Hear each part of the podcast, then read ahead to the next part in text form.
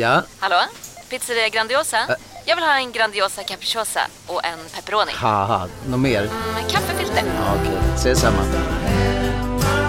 Grandiosa, hela Sveriges hempizza. Den med mycket på. Upptäck hyllade XPeng G9 och P7 hos Bilia. Våra produktspecialister hjälper dig att hitta rätt modell för just dig. Boka din provkörning på bilia.se xpeng redan idag. Välkommen till Bilia, din specialist på XPeng. Psst! Känner du igen en riktigt smart deal när du hör den? Träolja från 90 kronor burken. Byggmax. Var smart. Handla billigt.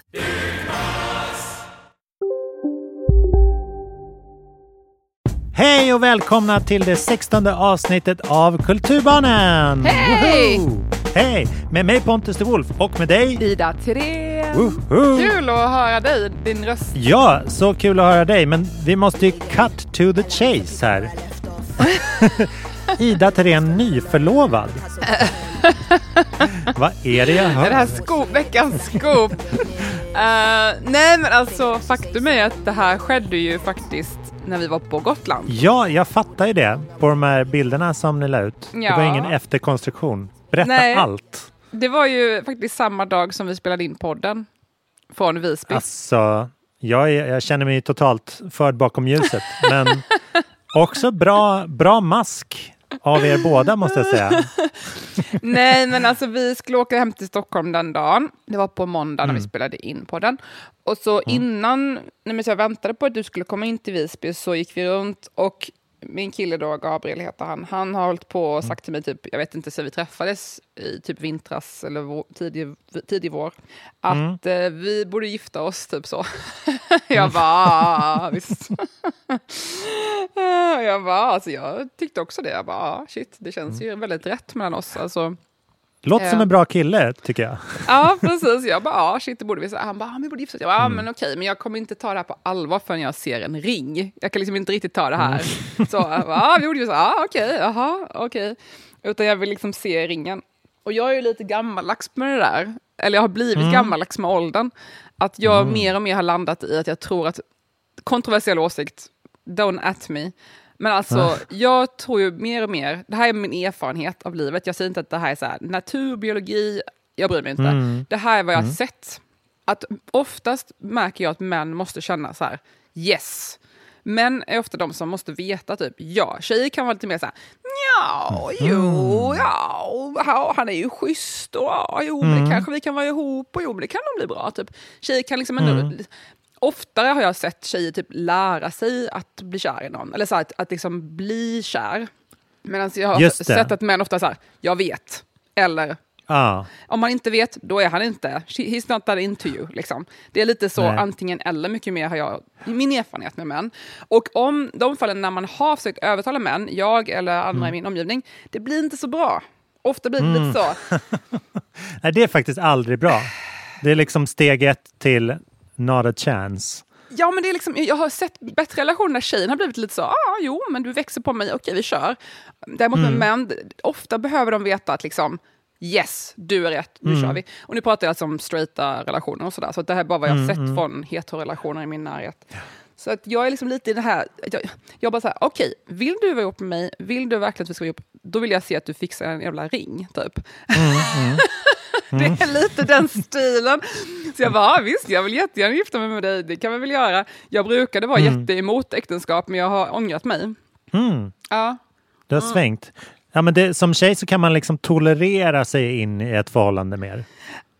Så skulle man kunna uttrycka det. Det är lite kontroversiell åsikt, så jag är beredd på att eh, kanske få ta en ta- fight här, men Jag, jag säger bara vad jag har bevittnat. Ja, ja.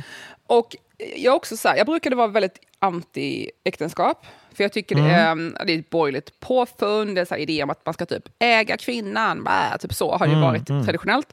Men jag tycker ändå att tiden har förändrats, världen omkring mig har förändrats. Nu kan jag med okej samvete gå in i någonting, någonting som skulle kunna vara ett äktenskap på ett annat sätt än för bara 10 eller 20 år sedan. För att ja, äktenskapet är också öppet för fler, man kan eh, gifta sig i fler konstellationer än bara man och kvinna till exempel. Det tycker jag är ett argument. Um, men också att vi har bättre jämställdhet idag än vi har haft förut. Och då tycker Ja, inte jag det känns absolut. lika jobbigt att vara del av ett förtryckande system. För jag tycker inte systemet är lika illa Mm. längre. Sådär. Ehm, plus att jag också har börjat uppskatta med åldern eh, vikten av ceremonier. Ja, det är ju kul.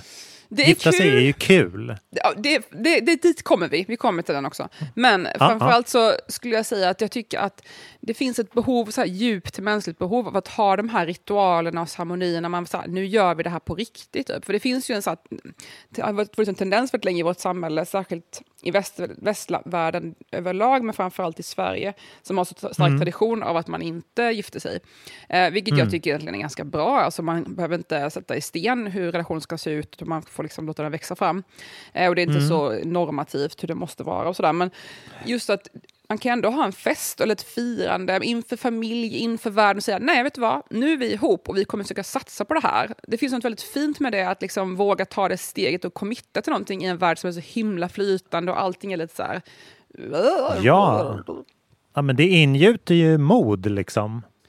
Ja, man får ta, man ett lite sätt, ansvar. Liksom. Lite så här, jag ska våga ta lite ansvar, våga committa och våga göra fel. Mm. För att, att bes- bestämmer man sig aldrig för någonting, då kan man inte heller göra fel. Då är man alltid lite så limbo. Mm. Bara, ah, nu menar jag inte bara i relationer, men i allt möjligt. Så här att, ah, jag får Mm. se, jag vet inte.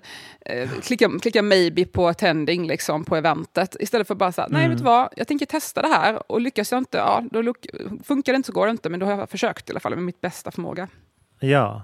Och sen är det så roligt, det är lite motsägelsefullt, men om man, om man säger då förr i tiden inom citationstecken så gifte man sig ju typ med den första som man kysste. Att Ja, det är här, precis. Det är du och jag och vi gifter oss. Och det har man ju liksom velat gå emot lite Mm. grann.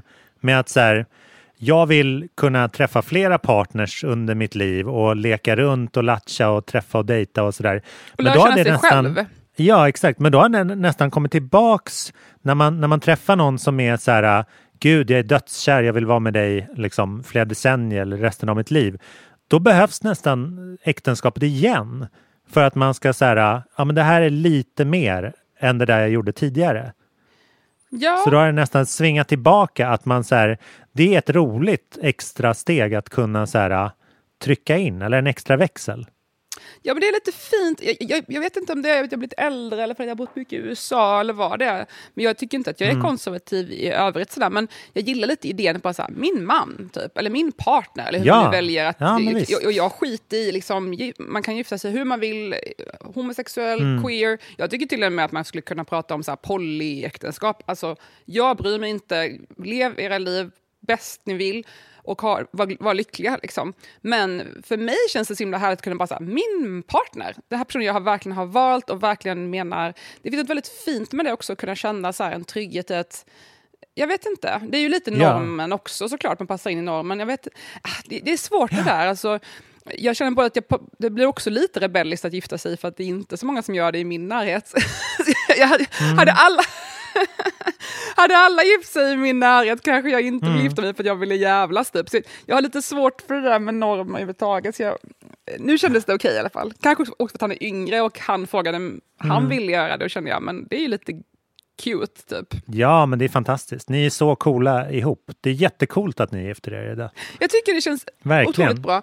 Och också intressant grej att många av hans kompisar, som är så här mid-20s, liksom, de är förlovade jättemånga av dem. Och det är ju ingen av mina kompisar som är förlovade eller gifta sig, fast de har varit ihop i typ tio år med sina partners. Så det är väl intressant eh, skillnad faktiskt, generationsskillnad.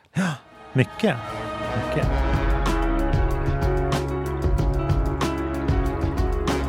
Ja, men grattis! Det är fantastiskt. Ja men tack. Och sen har vi ju hela det här med eh, festen. Ja. Jag har ju fått blodad tunga nu när jag eh, ser alla de här roliga bröllopsfesterna och sånt. Jag bara, Åh Ja. gud, det här verkar ju så kul. Jag vill också. Och så var jag på en möhippa förra året. Jag blev inte, fick inte gå på bröllopet för det var Mm. corona så det var så superlitet. Men jag fick i alla fall gå på möhippa och jag bara oh my god, det här är så kul. Att få typ hänga med massa härliga människor. Mm. Några man känner, några av deras kompisar man inte träffat förut. Och bara ha kul ihop en hel dag. Det här vill man ju göra jämt. Jag vill gå på möhippa hela tiden. Ja, men det är det roligaste som finns potentiellt. Alltså det är lite som vi pratade om förra veckan, att man så här festar with a purpose. Att man liksom går på ett Ja! live eller har ett tema eller så här firar någonting. Det är faktiskt väldigt, eh, underskattat.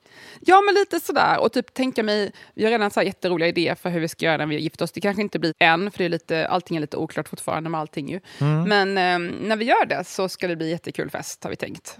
Eh, så det, ja, jag känner mig jättetaggad på att eh, skapa någon, någon, som du säger, en fest med ett syfte.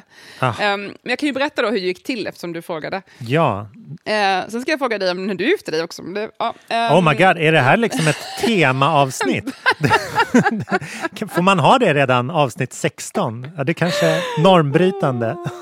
Ja, exakt. Nej, men vi, satt, vi var då på Gotland ehm, typ en lång weekend och så hela tiden sa han bara jag ska köpa en ring, jag ska köpa en ring. Eller han sa inte ens köpa, han sa typ jag ska hämta ring, jag ska haffa en ring, typ sådär. Håller han på. Ehm, så bara gick vi runt där i Visby och ja, som ni kanske har förstått från podden tidigare så är min kille väldigt populär bland ungdomar. Just det. Så vi blev sta- stannade typ ja, var femte minut, folk som ville fota honom och prata med honom, bla bla bla. Ehm, så det var lite sådär, det var också Stockholmsveckan, vilket vi inte kände till innan. Nej, Så det blev lite så mycket ungdomar där. Så det var lite speciellt och han bara, men vi ska köpa en eh, ring nu, nu ska vi fixa en ring. Och jag bara, okej, jag vill se detta hända liksom innan jag tror mig. Och så går vi runt och så bara, ah, la la. Och så plötsligt så Eh, han bara, jag vill, jag vill gå till så här, riktigt så här ammo, alltså en så här farbror typ, eller så riktigt sån. Ja, eller ja. han sa en riktig askar, sa han. Alltså det betyder typ en riktig Aha. så soldat, kämpe, alltså krigare typ. Ingen så här guldfynd, utan Nej, liksom nej. någon så här, eh, liksom, legit person. en an- Så vi- antikaffär typ. Eller vad man kan kalla Nej, mer typ någon som är så här riktigt dedicated till sitt craft. Mm, liksom Jag förstår. Typ hantverkare. Så. så gick vi runt där och sen så fick vi höra från hans farsa att ett ställe som heter Dicks eh, på Vis, i Visby. Mm. Och de hade haft en eh, smash and grab, eller någon hade försökt göra en Åh, smash nej. and grab. Alltså kört in med bilen och försökt stjäla Åh. guld. Det låter jättesvårt, det är så kul. trångt där. De där smågatorna. Exakt, Vad ska man smash exakt. and grabba med en traktorsgräsklippare? Typ. Det var precis vid, eh, heter det, vid eh, muren där. Liksom. Ja. Så att, det hade någon försökt köra en bil där och det hade inte lyckats särskilt bra, kört in i någon mur. Och, ja, det var liksom ingen lyckat eh, Någon coup. mur. ja, ja. Någon ringmur. Cancelled. Cancelled i Gotland. Ja. Ja, det blev cancelled. Ja, så då, då tyckte vi att det passade in i, i idén. Då. Så vi gick Mm. in på Dicks. Och Dick själv jobbade. Ja. Eh, och Gabber och min kille han bara, ah, kan vi få kolla på lite ringar? Och jag tänkte fortfarande han drev. Alltså, jag trodde inte vi skulle köpa några ringar. Jag bara. Mm. ah, okej vi testar väl lite ringar. Så här. Och jag började svettas som fan. Jag bara, vad händer? Typ. Jag, jag kände, det, var, det var visserligen varmt ute men jag svettades jättemycket. Jag bara, okej, vad håller du på med? Så vi på. Och jag vet inte, ni som inte har träffat min kille, han är ju väldigt rolig. Och Ja. det är också därför de här ungdomarna är så förtjusta i honom, för han är väldigt rolig och lite så här, man vet aldrig riktigt vad man har honom. Typ. Nej, han, nej. Han, eh, är han allvarlig, är han inte allvarlig? Ingen aning, ingen Mm. vet. Eh, jag vet inte alltid heller, eh, vilket jag älskar med honom. Och så, så står vi där och jag bara, okej, vad ska han göra? Men till slut så har han bestämt sig då att "Nej, men fan, jag vill ha så här släta guldringar. Jag bara, okej, jag står bara där och bara, okej, jag, jag ser vad som händer. Liksom. Jag låter honom styra det här projektet. Ehm, han bestämmer sig, han bara, "Ey, kan vi få de här eh, heter det, graverade? Och de bara, absolut, eh, när behöver ni dem? Tänker, de tänker så här, en vecka. Vi bara, nej vi ska till Stockholm om två timmar. Då skulle jag precis spela in podden med dig. Ehm, Ba- de och bara, dessutom "Vi så är ett fixar-" viktigt samtal. han bara, vi fixade, inga problem Dick, Oh, den här Det hjälten. är Dicks dröm liksom. Att Det någon ska vara liksom, så, han han vill bara- vara Las Vegas. Ja, exakt. Mm. Det var Vegas till han bara absolut, jag fixar det här. Mm. Gabbe bara ah, nice, han bara tar du cash? Han bara ah. De hade lite bondat lite där. Gabbe drar upp så här, hade typ tagit ut tio lax och stoppat i strumpan. Han tar ut pengarna, betalar cash. Vilken jävla hjälte. Som en jävla, som en jävla legend. Ja, Mm. eh, så skrev vi in då våra namn i ringarna. Ja, han ville inte ha så här, versal, eller så här du vet, skrivstil, han tyckte Mm. det skulle bli så här versaler. Så det är bara så här, versaler, Gabriel, Ida, typ så. Eh, jag är fortfarande helt svettig och bara, vad fan hände precis? Ja. Ja, alltså så, okej. Alltså, jag har inte fått ringarna ännu för de ska ju graveras. Så går jag och träffar dig där borta och vi spelar in podden. Jag är lite så omtumlad. Jag bara, fan hände precis? Ja. Men okej, vi kör. Det där är lite min stil. För er som har läst min roman, Att omfamna ett vattenfall, så vet ni att eh, det där är min stil, att bara haka på. Vi får se vad som händer. Det är lite. Gab Gabriels psyke som är vattenfallet här då. exakt, Ja. exakt, exakt. Så jag sitter och spelar in podden med dig, vi går därifrån, plockar upp ring... Äh, typ så här, plocka upp, vi, först tog vi ett glas vin, sen spelade jag in Mm. podden med dig. Och sen gick vi och plockade upp ringarna. Ja. Och ja, de var ju färdiga. Dix, fodral, allting. Vi Mm. går ner till eh, hamnen där vid vattnet i Visby och eh, ja, vi tar på varandra ringarna på varandras eh, fingrar och de passar ju skitbra. Shit, jag får hög puls. Det är så vacker historia ju. Helt perfekt. Nej, det var kul faktiskt. Det kändes jättebra. Det kändes rätt. Easy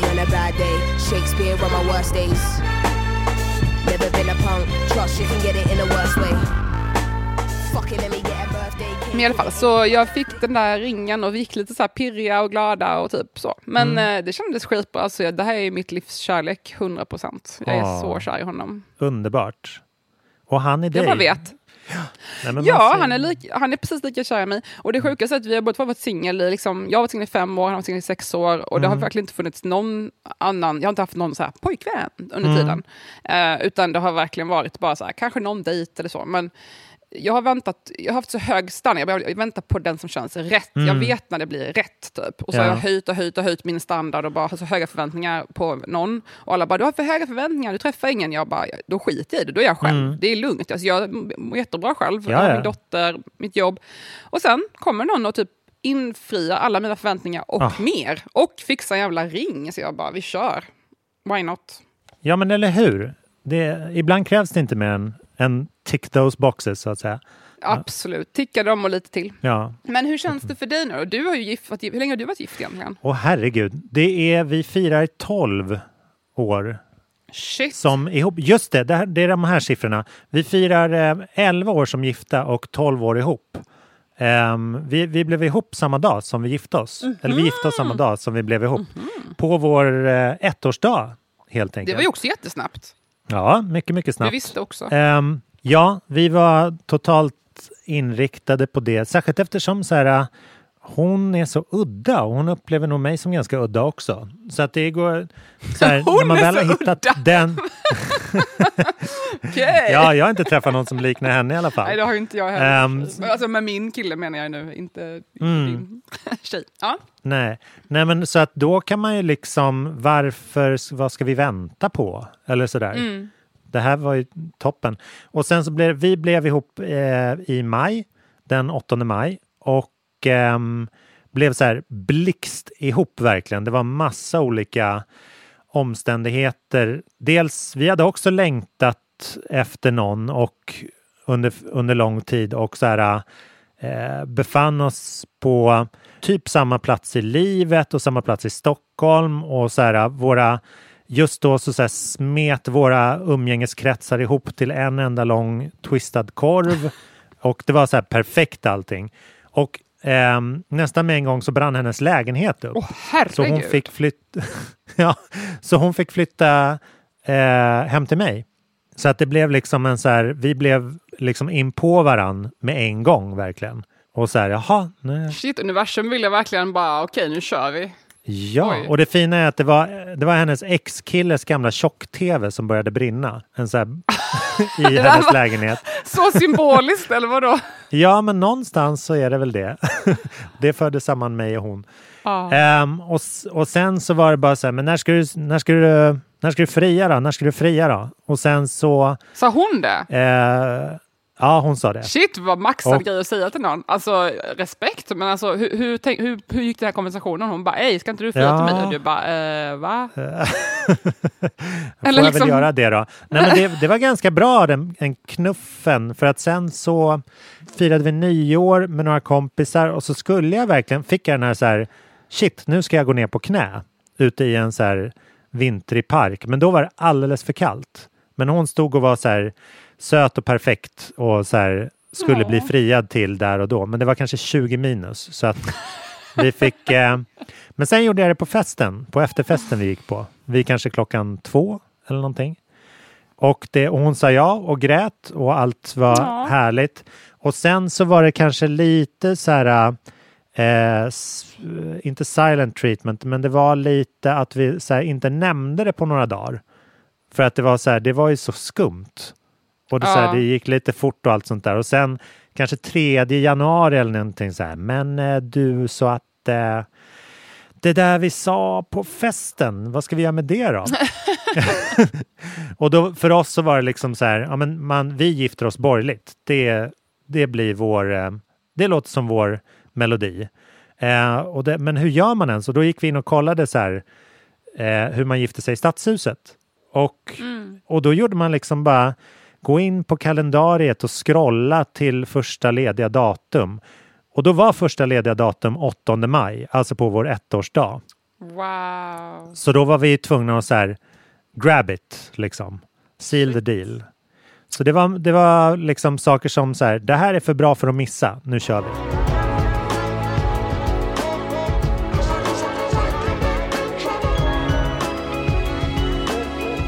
Varför tror du att det var så viktigt för henne, eller för dig också kanske, att gifta er just? Ja, nej men... Inte jag vet bara, många, inte. Andra, många andra är bara ihop, liksom bor ihop. Det är ganska vanligt, folk är ihop ja. i flera år och sådär. Utan att... Nej, men jag tror det var bara för att vi inte hade slagits av tanken med någon annan tidigare. Mm. Och jag har ingen sån tradition i min släkt eller familj att alla måste gifta sig eller något sånt där. Jag har mm. knappt liksom haft koll på vad det innebär. Men att um, det var så häftigt och vi var hon var väldigt ung, hon var 23 och jag 28. Så att mm -hmm, vi skulle inte... så unga! Mm, så vi skulle inte få chansen igen att göra någonting så liksom crazy och ungt. igen. Så att vi var ju tvungna att slå till. Det var ju bara så. Oh. Eh, och det har varit väldigt härligt. Och nu firar vi liksom ja, snart 12 år. Nästa år blir det 12 år. Och då har vi ju, så nu känns det lite som att vi har varvat våra gamla kompisar som inte gifte sig då. Typ. Så det, det är väldigt rolig grej att liksom räkna åren tillsammans. Jag tycker det är flott. Jag vet inte om det också är någonting med åldern som kommit, men jag uppskattar verkligen mer och mer något så romantiskt, alltså romantiska mm. grejer. Jag har blivit mindre hård och mindre så här cynisk och rationell och mer romantiker. Jag, mm. jag har nog alltid varit romantiker, men jag har nog kommit i kontakt med det för att jag tror världen gjorde att jag blev mer hård och cynisk för att eh, mm. eh, det var lätt hänt när man är ung tjej och det händer alla möjliga saker med en och killar behandlar en på olika sätt och sådär. Och plötsligt mm. så bara blir man så kall och hård. Eller jag ja. blev det. Eh, ja. Så jag har fått återupptäcka min egen romantiska och kärleksfulla sida med åren. Och eh, just nu, det, det sa jag också till alla när jag var singel alla de här åren, jag bara, jag letar inte efter en pojkvän, jag letar mm. efter min man. Alltså jag vill mm. träffa den som mm. jag bara, så här, det här är mitt livs kärlek, det här vill jag vara med i mitt liv. Jag orkar inte så här, fram och tillbaka hit och dit, jag har ett barn, alltså jag kan inte hålla på att dra in folk, jag har inte presenterat henne för massa killar liksom. Alltså jag kan Nej. inte hålla på så här. Um, ja. Så jag har inte gjort det. Um, och då känns det ju viktigt att det ska vara så här på riktigt. Så jag kan säga så här, okej, okay, nu är det här personen som jag tar in i vårt liv. Och vi mm. kommer att skapa en familj tillsammans och sådär. Det är en helt mm. annan sak tycker jag. När man bara... Så att jag vet inte, det här romantiska grejen av att så här, verkligen lova varandra att försöka någonting större typ. Ja, och att liksom det finns något väldigt romantiskt och också sexigt i att man väljer varann trots att man kanske liksom inte jämt kommer vara kär varje minut och varje dag eller att det liksom mm. kommer andra, inte vet jag, frestelser. Det känns ju så gam mm. gammalmodigt att säga, men, eh, men att man liksom vaknar och väljer varje dag. Mm. Att så det här var jävlar, det här är det bästa alternativet. Jag tycker det finns mm. något, något romantiskt i det väldigt krassa också. Att mm. liksom, det här är ju bäst. För att om man säger att någonting är bäst, då, är det, då, då liksom kör man ju in sån energi i det också. Just det. Att man säger, nu får du leva upp till det här. Eller liksom, då, mm. då sträcker man på sig lite och säger, ja men just det, hon har ju sagt, eller han, att, att jag är det bästa alternativet hon kan tänka sig. Ja men då kanske, mm. jag, är lite, då kanske jag är lite bra. Och så får man liksom leva upp till det. Jag tror det, det. det uppar människor. I bästa ja. fall. Man kan ju gifta ja. sig av fel anledning också. Jo, precis. Man ska ju inte göra det för att fixa någonting eller övertyga någon. Eller, eller, ja, det finns så mm. många skäl att folk ja. är ihop överhuvudtaget som är inte... Men det är ju skillnad på en relation som verkligen två medvetna människor som har lite självinsikt och som verkligen väljer, inte för att man väljer av medberoende, utan man väljer för att Mm. det här adderar till mitt liv. Och då har jag sagt eh, till min kille, alltså jag, redan när vi träffades så var det lite så grejer som hände. Jag var så ah, vet du vad, det här, det här och det här behöver jag. Funkar inte det för dig, då, då skiter vi i det. Det är lugnt. Alltså jag, men jag hade så tydliga idéer om hur jag vill bli behandlad, hur jag vill bli alltså, respekterad på olika sätt. Och mina gränser var så tydliga. Och jag visste, jag kommer gå. Alltså om någon inte respekterar de här gränserna, det är slut. Det är inga problem, jag klarar mig bra, jag behöver inte ha någon kille. Och jag tror att vi är många som går runt i samhället, och jag var också sådär när jag var yngre, innan jag jobbade mycket med mig själv och sådär och bearbetade grejer. Att man vill bara ha någon. Man vill bara ha någon som fyller upp den här känslan av ensamhet och jag måste känna mig älskad, uppskattad och bekräftad och sådär. Och liksom giltig förklarad av en annan människa. Men det Ja. där hade jag jobbat igenom så mycket så att när vi väl träffades så var jag så här, vet du vad, jag trivs jättebra med mig själv. Och det gjorde han också, han trivs jättebra med sitt själv och sitt liv. Han behövde inte någon eh, för att bli lycklig. så. Nej. och då blir det ju bara en bonus. Det är en helt annan sak när man går in i en relation där båda två redan mår jättebra och är beredda på att gå iväg om de inte längre mår bra. Ehm, och då väljer den här relationen där man mår ännu bättre tillsammans. Ja. Det är mer så här bonusnivå. Det är inte så här, åh, nu ska, du, nu ska jag må bra äntligen när du finns i mitt liv. Ja, men det är, som, det är så smärtsamt tydligt att eh, när man, när man som minst förväntar sig eller behöver någon, det är då man liksom hittar någon. 100 procent. Ja. Därför är Men det jag- så sorgligt. Det är hemskt liksom, alltså. Letandet är hemskt. Alltså den där fem åren, jag mådde faktiskt jättedåligt. Alltså jag, eller framförallt var jag väldigt ensam. För att säkert när man kommer upp så här över 30, typ alla har partner eller har barn. Eller inte alla, men de flesta har det. Ehm, och folk har inte riktigt tid att bara så här umgås med en, en morsa och hennes dotter. Liksom. Alltså det är inte så att man är högt på priolistan hos särskilt många människor. Och även de som man älskar har ju fullt upp med sitt eget jobb och barn och sådär. Och man är ju inte nummer ett på någons lista om man inte är ihop. Eh, man Nej, kommer alltid vara så här, även om man är någons så här, jättebra vän eller familjemedlem så kanske man är nummer två efter deras partner eller nummer tre efter deras barn. Ja. så att man, man kommer liksom aldrig upp i den här toppnivån när man är så top of mind. Man är alltid så lite så, ah, inte första valet liksom. Så det var faktiskt Mm. ganska jobbigt och ensamt. Men samtidigt så lärde jag mig att, att leva med det också. Eh, men Mm. jag måste säga att jag tyckte ändå att jag säga att så ah, nu måste älska dig själv och vara nöjd med dig själv innan du kan hitta kärleken. Och jag Mm. tycker verkligen att jag var det i typ två år. Jag var helt celibat i två år, knappt Mm. liksom. Jag tror inte ens jag kysste någon liksom, eh, innan jag träffade Gabriel. För jag kände så här, jag orkar inte nu. Jag, jag, jag väntar tills jag träffar någon som känns hundra. Mm. Det är ingen bra, jag skiter i det här. Jag mår, jag mår, mår sämre av det eh, än jag är värt, liksom, av att Men typ vad- dejta. Var det det här liksom Tinder-klimatet? Eller var du Jag, jag, har aldrig hållit, jag, har, jag har inte hållit Nej. på så mycket med det. Jag, lite grann någon gång då och då har man ju hunnit under åren, sådär, men jag har liksom inte varit så dedicated. För jag, jag är alldeles för kä- känslomässigt öppen. Jag blir så lätt attached och jag blir sårad. Mm. Och, ja, jag, jag orkade inte vara ledsen för en Nej. jävla snubbe hela tiden när jag har ett barn att ta hand om. Nej. Ehm, så jag skulle säga att jag ändå hade hittat det där, jag älskar mig själv, jag trivs med mig själv i typ två år innan jag träffade honom. Så att annars Mm. säger alla så här, ah, men precis när jag slutade försöka, då träffade jag honom veckan efter. Typ. Så där har man ju ofta. Ja. Eh, men sen har jag tänkt på det nu, och i och med att han är så betydligt mycket yngre än mig, jag vill inte säga hur, hänga ut honom hur gammal han är, men han är betydligt avsevärt yngre än mig. Och hade jag träffats två år tidigare hade han ju varit jätteung. så jag, tror att, det- jag tror att det var bra att det var två år till där. Så att, det man kan ju tänka så också. Så att det var nog bra. Men jag är superglad och vem vet vad framtiden, ingen vet ju vad som ska hända, men man, man kan i alla fall försöka.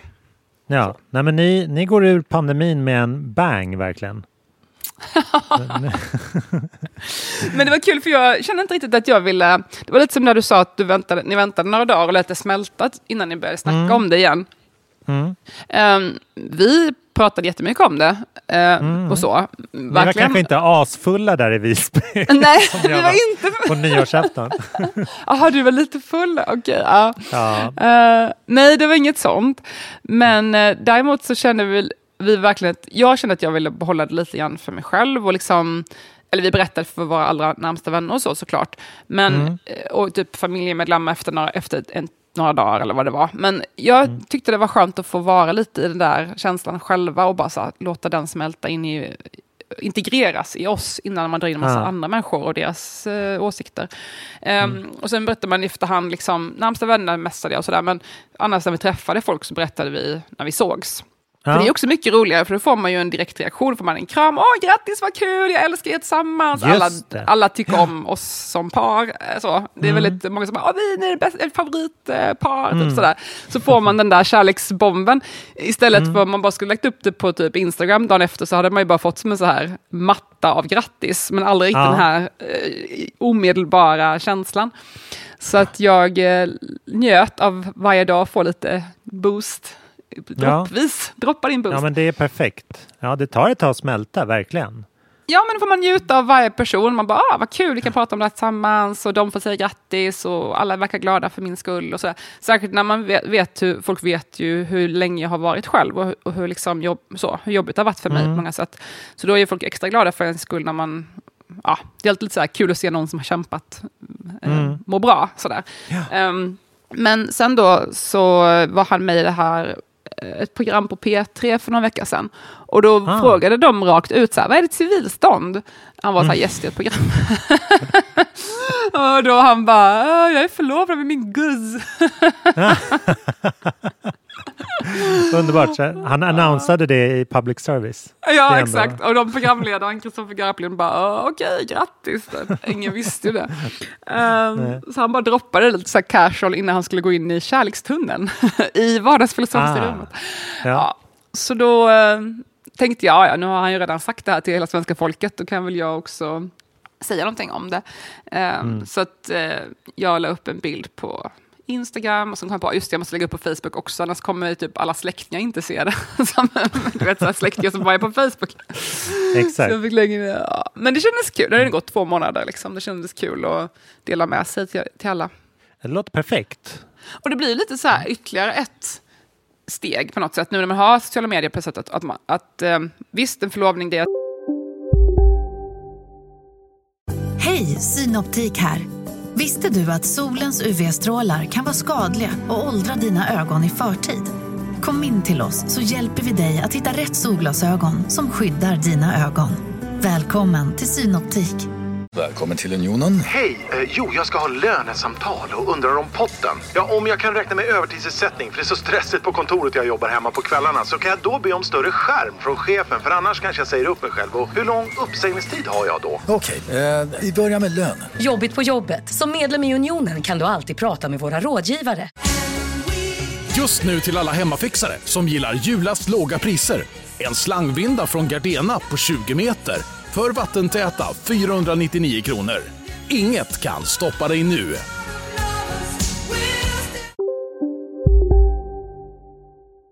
statement och förut skickade man väl ut så här lysning eller någonting, alltså brev till folk. Ja. Men nu gör man ju inte det riktigt, eller jag vet inte, men jag tänker att det blir som ett ytterligare ett statement, okej okay, nu vet hela världen om det här. Ja. Det blir också som ett commitment till världen på något sätt. Ja, ja. Nej, jag kommer ihåg att min mormor ville bjuda mig på så här en tidningsannons. Åh, man skriver så här, det här är de nygifta. Ja, jättegulligt. Kommer jag inte gjorde ihåg ni det? Så. Nej, jag tror vi gjorde något annat för pengarna faktiskt. Som hon, Åh, kan inte ni ha så här guldbröllop, annonsidén, typ? Elsa Billgren och Peter Pontus de Wolof? Självklart. Ska göra mitt bästa.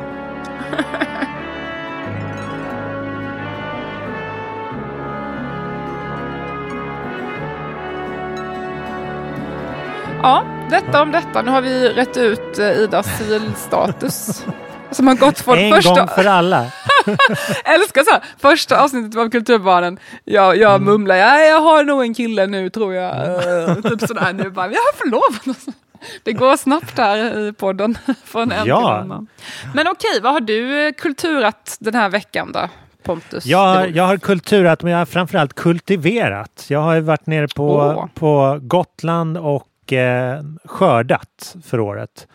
Så jag har eh, plockat ner äpplen från träd och gjort äppelmust av det eh, från min trädgård där och plommon och massa sånt där.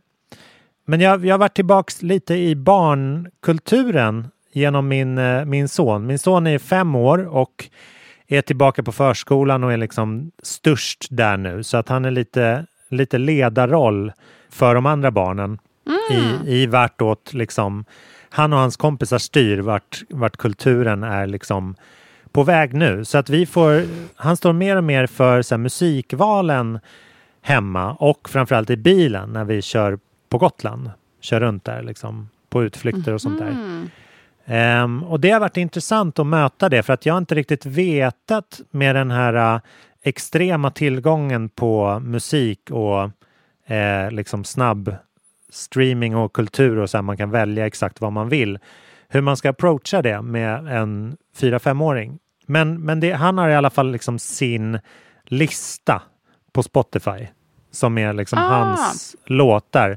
Så att det är så här, knappt har bältet åkt på i bilen för att han, förrän han säger så här, nu vill jag faktiskt lyssna på mina låtar. Och då är det så här. och då börjar det med en låt som jag har skrivit till en, en barnmusikal. För den Ja. propsar jag på honom. Eh, och sen kommer eh, Mitt sår med Jojje Wadenius och så går det på liksom i massa sånt där. Och sen så lägger han till då eh, låtar som han snappar upp från, från eh, förskolekompisar som så här eh, Erik Sade är med och eh, Sikai som hade så här 20 something, en hit förra sommaren. Ehm, och eh, ja, men sånt som han snappar upp från kompisar. Men sen är det så roligt att han ser det här fortfarande som en liksom fysisk ett fysiskt ting. Att hans lista är inte någonting som liksom fladdrar omkring i cyberrymden utan det är någonting som så här, det här är min lista. Och eh, Ah, ett objekt liksom. Ja, och att den kan vi bara lyssna på genom min telefon. Och att det är där den finns liksom. Så att han kan bli så stressad om man så här, ja men ska vi lägga in blommig falukorv på den här listan också så kan vi lyssna på, nej då försvinner den från min lista. Kan han vara så här. Ah. Eller så här, vet du, idag så lyssnade vi på Djungelboken på förskolan. De har också den. Så här. Att det liksom är, det är ändå kvantifierbart att det går att räkna så här. Men det är väldigt härligt. Så att jag på sistone har jag snöat in ganska mycket på Hakon eh, Pedersen. Mhm, vad är det? Ja, men det är en, eh, en eh, norsk eh, 80-tals schlagersångare som eh, han kom fyra och femma i Melodifestivalen och han gör massa Disney-vignettlåtar på svenska. Okej. Han- Okej. Så till exempel så har jag lyssnat mycket på de här hitsen Bumbibjörnarna, eh! Piff och Puff, Räddningspatrullen och han gör även Ankliv, alltså svenska Ducktails. Okej. Okej. Så att jag var finns lite på typ mind- Spotify eller? Precis, så att jag, Aha. jag var lite mindblown att det var så här sam... För de här, det här är ju så här serier som jag också växte upp med. Mm. Ehm, som, som liksom är ständigt aktuella. Som jag, jag fattade inte liksom förrän nu att det var samma röst på som gjorde alla de här liksom Disney-timmen-låtarna. Det är en Typ. ikonisk röst. När du säger det nu så, så vet jag ju precis hur det låter. Alltså det var ju Ja. en särskild röst. Precis, och jag tycker det är så rart att han liksom har vuxit upp där, har säkert varit en så här tonårsidol, kanske lyssnat på Noise om man eh, går Känd tillbaka från i podden. podden. Precis, men att så här, hans karriär kanske inte blev så här att han blev popstjärna utan han blev så här dubbare för Disney och så go-to-rösten när man ska ha en, en härlig hurtig barnsångröst. Jag tycker det är någonstans fint och illustrerar vad liksom musik och kulturyrket kan, kan ta en på, på underliga vägar. Ja. Nej, men jag har tänkt på det mycket ibland, vad jag sitter och håller på med på dagarna. Vilka oväntade grejer jag gör. Som man kanske Mm. inte tänker sig. Jag är kulturarbetare. Och så sitter man där en hel dag. Och, Jag, satt jag ska inte hänga ut någon, men jag, jag klippte ihop en reklamspot eh, spot för en kampanj där, eh, mm. där eh, landet Schweiz nämns. Och då, då så var den här personen sa Schweiz, Schweiz liksom, i, i alla praterna. Så att då, då klippte jag ut konsonanterna S och Sh och liksom bytte plats på dem. Så då blev det Schweiz. Så att, så att man sitter där i bakgrunden och gör, gör sina tappra liksom, hantverk bredvid de här, det som man vill göra, det som är hitsen och det som man brinner för någonstans. Alltså jag hörde så sjukt grej för några år sedan. Jag har jobbat som frilansjournalist sedan 2010, så det är ju väldigt många år. Men mer eller mindre på heltid, sen har jag gjort lite andra saker också. Och, och sådär. Men... ehm, och ja, försökt lägga tid på att skriva mina böcker och sådär. Men under tiden har jag liksom försörjt mig på att skriva lite artiklar här och där. Ehm, och ibland ganska många artiklar varje månad, ibland bara någon enstaka. Men en grej jag fick lära mig av en redaktör för många år sedan var att väldigt ofta, det finns ganska många frilansare som inte är särskilt duktiga på att skriva. Men mm. för att de har fått ett namn så får mm. man nya uppdrag och sen blir det typ att redaktören bara, ah, fan det här var ingen bra, jag får sitta och jobba med den här. Så redaktören får lägga mm. massa tid på det. Men sen så tar ju då journalisten färdiga resultatet och lägger upp på sin hemsida bara, kolla här vad bra artikel jag har skrivit. Och får nästa artikel. Och blir då ett namn och det här namnet gör då att folk vill köpa tidningen för att läsa vad den här kända artikel, journalisten har skrivit i tidningen. Ja. Um, så det blir liksom även om folk inser efterhand att vänta lite, den här personen är inte så duktig, men folk bara, ah, ja, vi får väl ta det för att det här är personen som mm. folk gillar. Um, så jag fick så beröm, han bara, ah, men dina texter är alltid så bra och färdiga när de kommer in, man behöver inte fixa så mycket, och, eller någonting ibland. Och ja. de kommer i tid, och jag bara, jag trodde det där var typ mitt jobb, att skriva en färdig text och skicka ja. in i tid. Det är väl det som mitt jobb är. Så här. Och det var ja. tydligen väldigt ovanligt att man faktiskt, faktiskt gör det. Så att um, det är mycket som mycket som är bakom kulisserna som folk kanske inte ser. Ja, men det hemska är att man som, som redigerare eller redaktör av någonting kan ju, man kan ju bli lite hög på att man känner sig duktig och behövd. att man säger, ja men jag behövs för att jag måste rätta till det här sista steget liksom. Och att det Just kanske det. är att, att folk kanske når mer framgång av den anledningen också, att man, man lämnar in någonting som är 90 procent klart så att mottagaren får känna sig lite viktig och duktig. Mm. Jag tror det kan ja. vara liksom skitkonstiga logikbanor sånt där som vi inte riktigt är helt... Mycket kan ju vara liksom down to ren stil också. Att man, så här, man känner igen en person. Även om liksom någon, någon inte är bra på någonting så kan ju stilen vara så... Stilen är så omisskännlig att det liksom blir, det blir catchy och svängigt på grund av det. Mm. Det är lite som det så här, Håkan Hellström kan inte sjunga rent. Men Nej, när, man, när man har hört det 10 000 gånger så är det så här, det här det kan inte låta på något annat sätt. Det skulle låta mm. hemskt om det var rent. Fast det är ju skillnad på om en text bara är dåligt skriven, alltså inte, inte en stil, att den bara så här, inte hänger ihop eller dåligt eh, fixad ja, ja, och dåligt, dålig disposition och det är konst, mm. rörigt och sådär. Det, är ju det finns ju dåliga redaktörer och jättedåliga tidningar också. Jo, men, ähm, ja, men i alla fall, det är väldigt mycket som pågår bakom kulisserna som inte mm. folk ser. Alltså både alltid, alltid från journalistiska texter till musik, låtar, film, konst. Eh, min bok skulle inte vara samma utan min förläggare Rickard Herold. Han har verkligen varit otrolig. Och även en redaktör som kom in som var också jätteduktig. Så att mm. det kan vara, kunde varit en annan redaktör, kanske hade fått annan feedback. och Så, så det är mycket subjektiva åsikter som finns på vägen. Sen Mm. handlar ju mycket när man är kulturskapare om att hitta, ha kvar sin röst och kvar sin vision. Man får ta in andras åsikter men så får man se vad ska jag lyssna på och vad ska jag mm. inte lyssna på. Så det där är ju den ständiga utmaningen.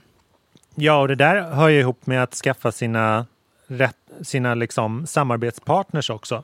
Alltså oavsett om det är managers eller en gallerist eller liksom mm. en arrangör eller något sånt där. Jag har faktiskt ett, ett litet sånt exempel idag som jag tänkte ta mm. upp If you don't mind. Absolut. Um, vi brukar alltid ha en, en musikalisk gäst i um, avsnittet eller någon som en aktuell artist eller kompositör eller sådär som vi spelar låtar som vignetter och jinglar. Um, och idag, då, då får, med all respekt för Hakon Pedersen så tänkte jag inte eh, smälla in gamla Disney-vinjetter i den här. Jag, jag vet inte ens om det är lagligt. och jag vet inte om det är bästa introt för din liksom förlovningshistoria heller. Ja, just det, precis. Hipp hurra för... Ja. precis. Men, It's the remix. Ja. Jag vet inte om, om du har hört den här artisten, men annars så vill jag introducera dig för Little Sims. Nej, har du det hört har jag henne? inte hört. Nej. Uff, this, this is gonna blow your mind. Mm. Um, Little Sims är uh, en Londonbaserad sångerska, född 94, sångerska och uh, rappare. Så hon företräder liksom den nya hiphopen i London och England. Mm. och det, hon är någonting helt i särklass just nu skulle jag säga. Eh, man kan höra henne i P3 och på radio med en låt som heter I love you, I hate you eh, just nu för att hon är aktuell med sitt nya album eh, Sometimes I get introvert. Mm -hmm. som, eh, som jag faktiskt fick på vinyl igår. Kom den med posten. Den har liksom Den är så het att den, har, den fastnade i tullen i tre veckor. så att jag har inte kunnat lyssna på den. Och att jag har varit så, apropå min slow consumption Just kulturnivå på sistone så har inte jag streamat den utan jag har väntat den tills jag har min vinyl. Åh, gullig du är. Och det vill jag säga att jag köpte den här innan den var tryckt så att jag liksom jag har lite Patreonat den här skivan även om Åh. hon säkerligen inte behövde det. Eh, men att den är, den är så fantastisk och hon slog igenom med en platta som heter Grey Area 2019 eh, som hade en låt på sig som hette Offense. Och hela den skivan utmärkte sig med att samplingarna, det var så här gamla soul, soul-låtande klingande samplingar.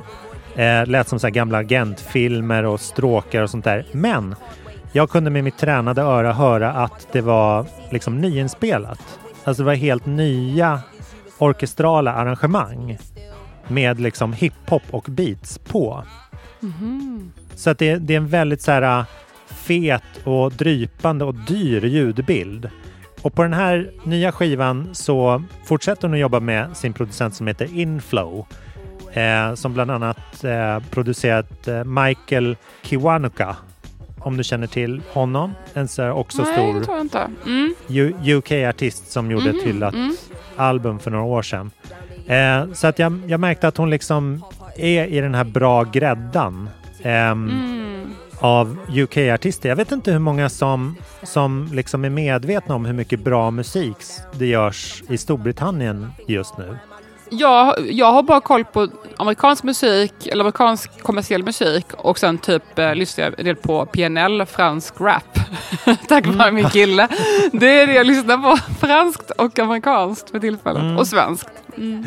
Ja, men det är jätteroligt. Det händer jättemycket med så artister som Stormzy, Just det. Disclosure, Tesha, så här svinhet dansscen. Sångerskor som Jebba, Georgia Smith, Charlie XCX. Alla är extremt eh, fashion magazine kompatibla också, så de syns överallt. Och de är så himla bra på att liksom uppa sina egna artister där också. Det blir en Mm. väldigt så här communal känsla. Väldigt påminnande om... Brexit. Om svensk... Ja, exakt. Nej, men på, påminnande om svensk hiphop tycker jag. Som är Ja. Absolut bäst i Sverige på att lyfta sina artister. Man blygs liksom inte att, att, eh, att pusha. Ja, man fitar varandras lys- låtar och sådär. Ja, alltså det, jag som håller på med någon slags pop, det, det är ju inte ens att mina kompisar delar det. Alltså det är Mm. någonting som Mm. så här, det är någonting som Pontus håller på med. Mm. Eh, och, ing, och det ligger liksom i hela kulturen tycker jag. Det är extremt få som, som ens liksom delar musik utanför. alltså, liksom. Mm. Är det inte också en väldigt typisk snål eh, sve, vit svensk eh, grej? Alltså, alltså vit som i swady-grej liksom. Alltså det är väldigt mycket så här upplever jag i Sverige, majoritetssamhället i Sverige, att man är lite så här, jaha, jaha, du gör den saken, jaha, ja. ja. Det är inte så, man, inte så bjussig kultur överhuvudtaget. Vilket är Nej, jättesynd. den är mer så här, att, kul att det går bra för dig. Det går bra för dig va? Eller liksom så Ja, här, det- ja, exakt. Eller typ så här, ibland får jag så här mellan från folk som skriver till mig, bara, åh jag älskar allt du gör, du är så grym, jag blir så inspirerad av allt du gör. Man bara, jaha, ja. eh, kanske du vill dela någonting som jag gör? Du är ju typ- inte den som behöver veta det. Jag bara, ja men vad kul, men kanske typ tipsa en kompis eller lägga upp dina stories, tagga mig. Ja. Nej, det hade du aldrig gjort. Okej. Du- Ja. Men alltså, det är kul att folk gillar vad man gör, men jag är väldigt mycket för att man är det någonting fett så dela det så fler kan få ta del av det. Det där är min stil. Men det har Ja. jag kört länge, men det är väldigt sällan jag upplever det faktiskt på andra hållet. Och det tycker jag är väldigt tråkig grej. Och det är mycket Ja. mer så, i USA är det mycket vanligt att folk bara "Wah, wah, wah, wah", typ sådär. Um, Ja, out of our way. Här kommer min polare. Liksom. Men Mm. det, jag, jag brinner för det. och det. Jag tycker vi har hittat bra spår, side-note, på, i den här podden också. Att det är liksom... Jag tycker verkligen inte en, en kulturpodd till exempel behöver ha en så här liksom cynisk blick. Utan det kan ju vara liksom så här, kolla på det här. Bara som ett Ja. litet inlägg. Ja, alltså det, jä- jag, tycker, jag hade ju en, en blogg för många år sedan på sajten Rodeo. Jag pratade om det tidigare här, Konst hette Mm. den. Och då, det var ju inte jättemånga som läste, det var några hundra sådär som jag hade som läste varje dag. Men jag gjorde väldigt mycket till min grej att bara lägga upp saker jag tyckte var grymma och tipsa om saker. Jag bara, det här är Mm. kul, det här är kul. Och ofta var det ju grejer som var sådär små som ingen riktigt lyfte fram. För det var för litet för att få fram det i en tidning eller i radio. Ehm, Mm. Och det var ju ofta på den nivån att det blir bara ens en omedelbar närhet, typ ens polare som kanske tipsar om det. Man får- Ja. liksom aldrig riktigt ur bubblan om man inte själv... Och jag är ju väldigt, väldigt passionerad, jag har egentligen bara två intressen, kultur, andlighet, ja lite Mm. så här identitetspolitiska frågor. Typ. Det är det, det jag bryr mig om, resten är inte så Mm. jätte... Ehm, och när det kommer till kultur, det brinner jag ju för, för allt. Jag vill ha konst, jag vill gå på dans, jag vill gå på teater. Och för mig är Mm. allt det här samma sak. Det är bara lite olika varianter på, på liknande idéer. Men det är Ja. väldigt sällan det korsbefruktas för att folk är så inne på sitt eget område. Man kan, kan allting om vad som händer i dansvärlden eller teatervärlden, men man har ingen aning om vad som händer Mm. i angränsande områden som är jättelikt egentligen. Ja. Ehm, och det tyckte jag var kul i podden, att liksom, eller bloggen, att tipsa saker. För då inser man ju Ja. att det var ju massa människor som bara, men det här låter ju skitfett, det här visste inte jag om. För det Mm. finns så få sådana platser där man, forum där kan mötas. Ehm, och det tycker jag känns kul om vi kan försöka göra det i podden också, eller det försöker vi göra. För det finns så himla få platser där, där folk som har lite övergripande koll kan tipsa om grejer. För att kultursidorna är ju så himla nischade. Antingen är du... Mm. Det, är som, det är så få platser där de här mötena kan ske. Ja. Nej men verkligen, jag brukar likna det vid mat. Att om jag säger till dig så här, fan du måste smaka på det här, det är så jävla gott. Det är det godaste jag har ätit. Då kommer ju du liksom så här, mm, wow. Vad, Det var jättegott. Och så kommer din upplevelse vara bättre än om jag säger så här, "Åh, du kan ju smaka på det här. kan ju vara kul. Eller så här, för, för det, det, är liksom, det kittlar ju ens, ens eh, receptorer och ens liksom mot, upptagningsförmåga och mottagningsglädje på något vis. Det är Ja, alltså jag- jätteviktigt att peppa. Ja, alltså jag har fått så många som har hört av sig som har liksom, liksom på det som bara, jag tycker det är så kul att lyssna, man blir så peppad och sugen på att göra saker, man blir entusiastisk av att gå på en utställning och jag blir inspirerad Mm. och sådär. Och jag tycker det är så kul för att ja, det är ju därför jag gillar kultur. Jag förstår Mm. inte riktigt varför det är så många som verkar hålla på med kultur som inte verkar gilla kultur. Det enda de vill göra är typ gnälla på grejer. Jag bara så här, "Va? det är ingen som står med Ja. en pistol i huvudet och säger att du ska hålla på med kultur. Det är ju verkligen Nej. lyx. Jag är så tacksam varenda dag som det här får vara mitt jobb. Att, att Verkligen. Så jag, det, det, det konstiga är att antingen blir det så här superstora rapporteringar, alltså de som når in i typ DN eller Svenskan och sådär. Ja. Det finns den sortens kulturrapportering och så finns det typ så här kulturnyheterna och sen finns det en massa platser där folk mest kritiserar och liksom så. Jag tycker Ja. det finns inte så många platser där jag känner så här, åh, finns det någon här som gillar grejer och vill, och vill Nej. verkligen... Nej, och fortfarande Sådär. kan behålla ett, ett liksom kritiskt perspektiv på det. Ja, man får inte vara, inte vara dum liksom och naiv. Nej. Så. Ja. Nej, men det är deppigt om man ska så här, leta upp någonting som man gillar och hatar väldigt mycket. Och att det är ens plats.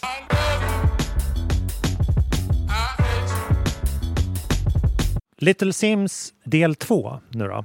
Ehm, det här är så viktig artist att jag...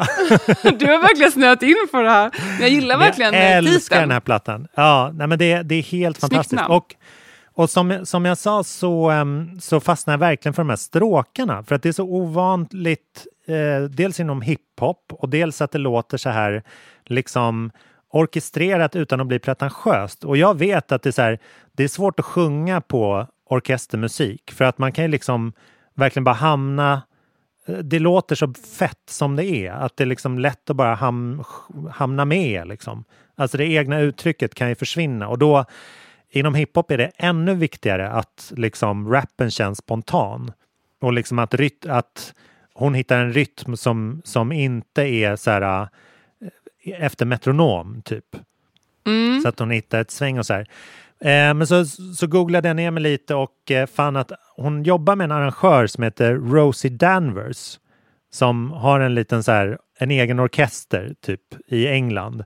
Ehm, och hon hade ett CV som, som innefattade bland annat eh, Stormzy då som vi nämnde, men även Adele och sen såklart då så har hon gjort allt stråk på Kanye Wests Late Registration, Graduation och My Dark Twisted Fantasy med om du tänker på All of the Lights och liksom de här Ja, den är så otroliga... otrolig låt alltså. Ja, så att det, man kan eh, lyssna på Little Sims och, eh, och sen så går man tillbaka och lyssnar man på massa Kanye och så kollar man upp eh, så lyssnar man specifikt på orkestreringen. Då tror jag att man kommer liksom hitta ett lager där som, som är helt unikt och som inte finns i särskilt mycket hiphop. Och det är jätte, jätte, jättebra platta. Och hon spelar, spelar förresten i Slaktkyrkan i Stockholm 14 januari.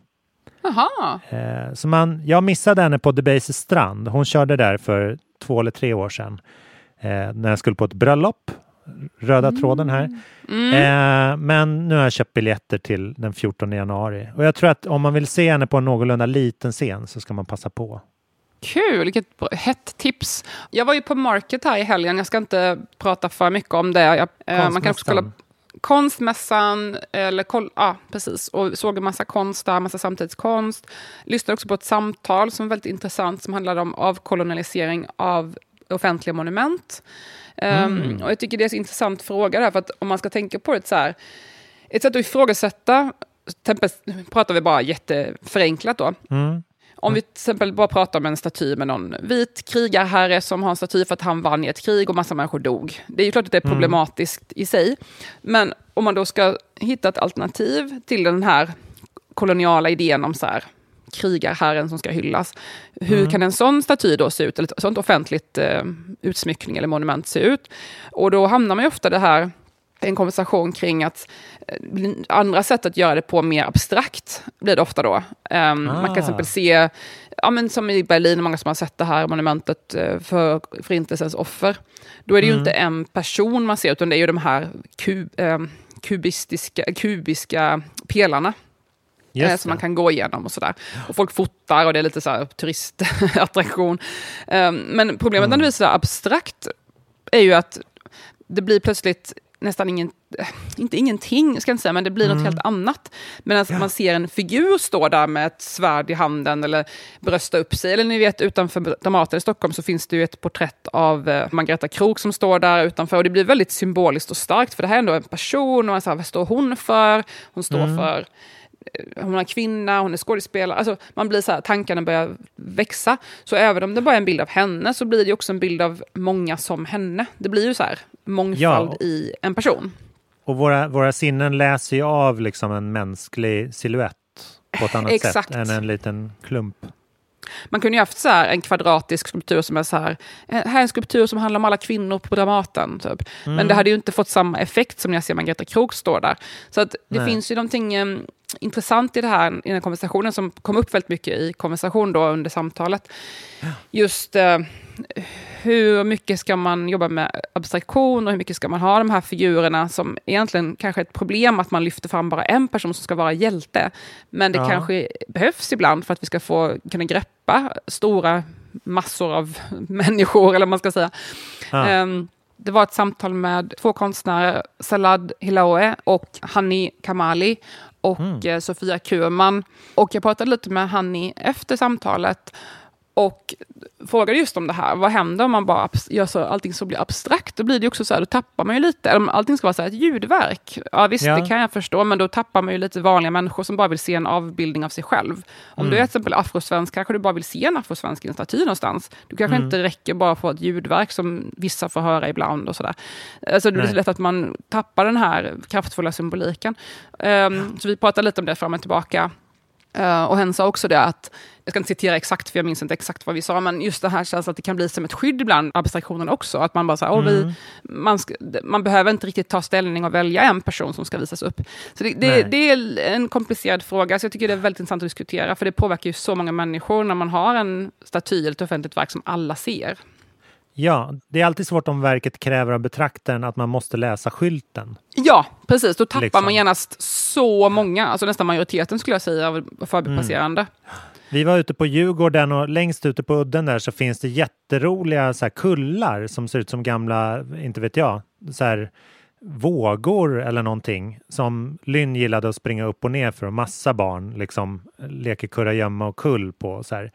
Bara det att när man, när man kollar närmare på skylten i mitten så ser man att det är ett eh, monument över, Eh, över tsunamin, hur? tsunamin. Ja, precis. Tsunamins offer. Mm. Ja, och då, då blir det mer så här att man sätter i halsen att så här, Ja. lät vi våra barn leka här nu och skita ner sig? Eller det blir liksom så här, det verket känns ju mer som så här PTSD för dem som drabbades, typ. Jag vet inte. Exakt det finns, exakt det, finns verket massa kom upp i, sidor. exakt det verket kom upp i konversation faktiskt. Att Ja, det, blir som, det försvinner nästan, alltså försvinner nästan bort då, med, med kullar. Som sagt, jag minns jag inte exakt vad alla sa, så citera inte mig så. Men Mm. det här var kontenten jag fick ut av det personligen. Mm. i alla fall att det är väldigt svårt med det här när man försöker göra det så mer abstrakt och mer så här, åh, nu ska det innefatta väldigt många saker och, och så. Då blir det, Mm. tapp, kan, man, kan man ibland tappa. Jag förstår ju att man inte vill såklart bara slänga upp en bild på en person som dog eller fem personer avbilda. Man kan ju inte avbilda allihopa, som, det blir ju svårt också. Men ja, det är en intressant konversation att ha i alla fall och fundera kring värld, hur det där fungerar. Ja, det finns inget rätt eller fel.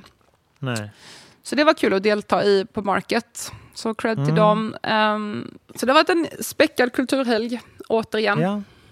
Jag, fick, jag berättade att jag hade köpt Bianca Kronlöfs den här Brev till mannen förra veckan. Mm. Och sen, sen fick jag den på posten också, shoutout. Så nu har jag två exemplar. Och eftersom vi tror på att dela med oss av kultur i den här podden så kan vi inte lotta ut ett av de exen. Ja! Jag, jag har inte hunnit läsa den än, men jag tror den är svinbra. Ehm, vi kan väl hitta på någon tävling eller någonting på vår Instagram, eh, Kulturbarnen. Vad så att man, följ, man följer oss där och så, så lägger jag upp någon liten idé. Så skickar jag boken till någon lycklig vinnare helt enkelt. Vad kul! Det blir väl toppen. Spread the love. Och överhuvudtaget, bara en liten uppmuntran den här veckan kanske att ser du någonting där ute som du tycker är bra? Någon låt som du gillar? Någon eh, Put a ring film? on it! Put a ring Det är exakt det det är. Exakt det, det är. Committa. Ja. Nej men alltså, att jag tror folk ibland behöver få, om man inte själv jobbar med att skapa kultur kanske man inte riktigt tänker på de här grejerna heller. Men alla Mm. kulturskapare är ju beroende av att deras, det de jobbar med sprids till nya människor.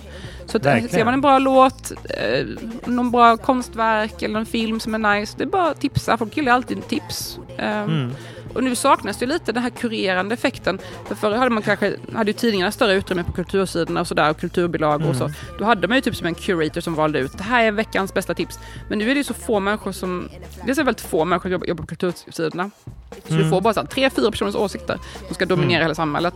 Ehm, och folk läser inte tidningen på samma sätt som de gjorde förut. Vi har inte ett DN på stan längre till exempel. Eller Expressen Nej. Fredag. Nej. Utan då har man väldigt få platser där man har den här kurerande och det finns ju så här Instagram-konton och sånt där. Men Mm. Det finns ju få som tar ett större grepp så att vi behöver alla vara med och hjälpa till att kurera. Vi blir alla som curators. Så att glöm inte Ja. att dela med dig också. Och så finns det Twitter där det är så här, det här är de tio sämsta nya böckerna. men men, man kan inte få allt. Alla vill hata lite. Ja. Man kanske känner sig bättre till mots om man, om man trycker ner andra. Vad vet jag? Fan, bra tips Ida! det kanske är det man gör. Så här ska ni göra för att må bättre. Tryck Ja, ner andra som försöker göra saker. Försöker de hitta på kultur? Fuck them! Ja.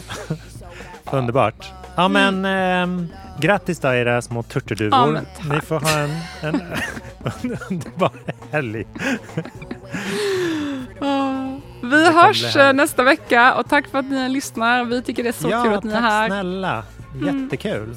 Tack alla Hej ni som tipsar. Hej då! Tack allihopa. Hej då! Hold on my plug like I'm back in town and I need an ounce, give me more please. Take mom on the street, like get anything you want, this is your day. I follow the white rabbit, got a couple carrots, I know that I got bad habits. Trying to find a balance, I'm in the store like I wanna have it, I gotta have it. You are not the toughest or baddest, my pet is the maddest. I probably any careers and it's never right, I'm honest. Gas never lane, even on 10, and still they can't manage. They think I'm a shy one, like nah, Sims won't flip.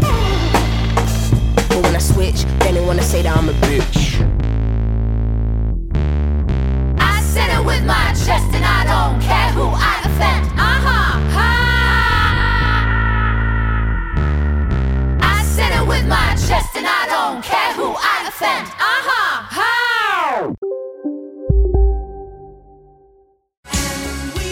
Just nu till alla hemmafixare som gillar julast låga priser. En slangvinda från Gardena på 20 meter för vattentäta 499 kronor. Inget kan stoppa dig nu. Hej, Susanne Axel här. När du gör som jag och listar dig på en av Krys vårdcentraler får du en fast läkarkontakt som kan din sjukdomshistoria. Du får träffa erfarna specialister, tillgång till lättakuten och så kan du chatta med vårdpersonalen. Så gör ditt viktigaste val idag, lista dig hos Kry. Nej. Dåliga vibrationer är att gå utan byxor till jobbet. Bra vibrationer är när du inser att mobilen är i bröstfickan. Alla abonnemang för 20 kronor i månaden i fyra månader. Vimla! Mobiloperatören med bra vibrationer.